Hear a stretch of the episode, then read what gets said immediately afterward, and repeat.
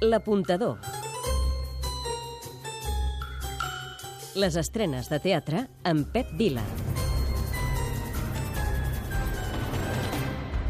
Després de AUC, tornen les impossibles amb Sweet Talk número 6. Sweet TOC, bueno, jo tinc TOC, estic diagnosticada de TOC des de fa ja 11 anys i bueno, és una sortida de l'armari d'alguna La veritat manera. és que estan tenint molt èxit amb els seus espectacles, tant en aquesta companyia com per separat. Recordem, la pianista, compositora i actriu Clara Peia, qui sentiu de fons, alhora codirectora de l'espectacle, amb la seva germana Ariadna, responsable de la coreografia de Mar a Mar. L'aposta de l'apuntador.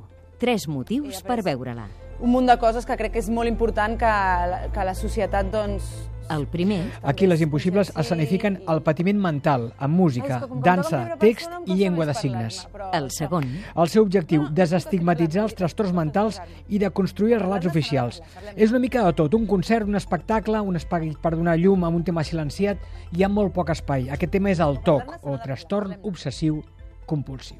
el tercer, A més, aquest és un espectacle accessible per a persones sordes en el qual la llengua de signes és un llenguatge escènic. Ei, que sóc el Mingo Ràfols, però és l'apuntador qui us recomana. Aquesta és l'aposta setmanal de l'apuntador, però també hi ha altres estrenes.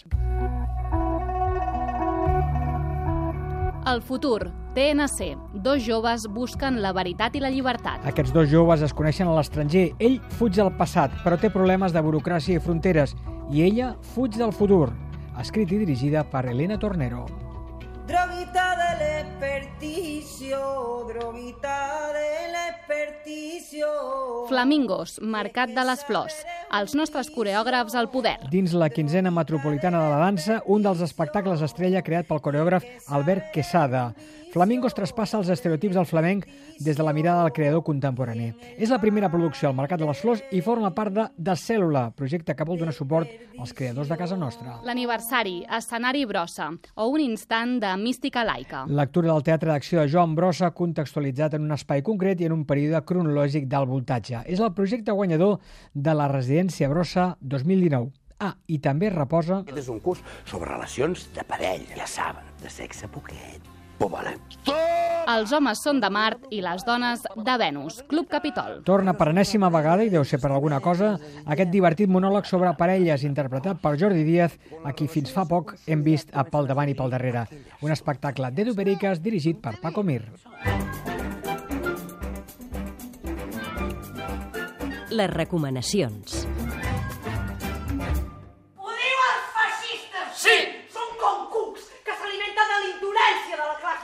Mar de Fons, Lliure de Gràcia. Un gran espectacle sobre la memòria perduda. A partir de testimonis reals dels poquíssims supervivents i investigació teatral en forma de tragicomèdia del que va passar quan a l'estiu del 36 una expedició republicana catalana va desembarcar a Porto Cristo.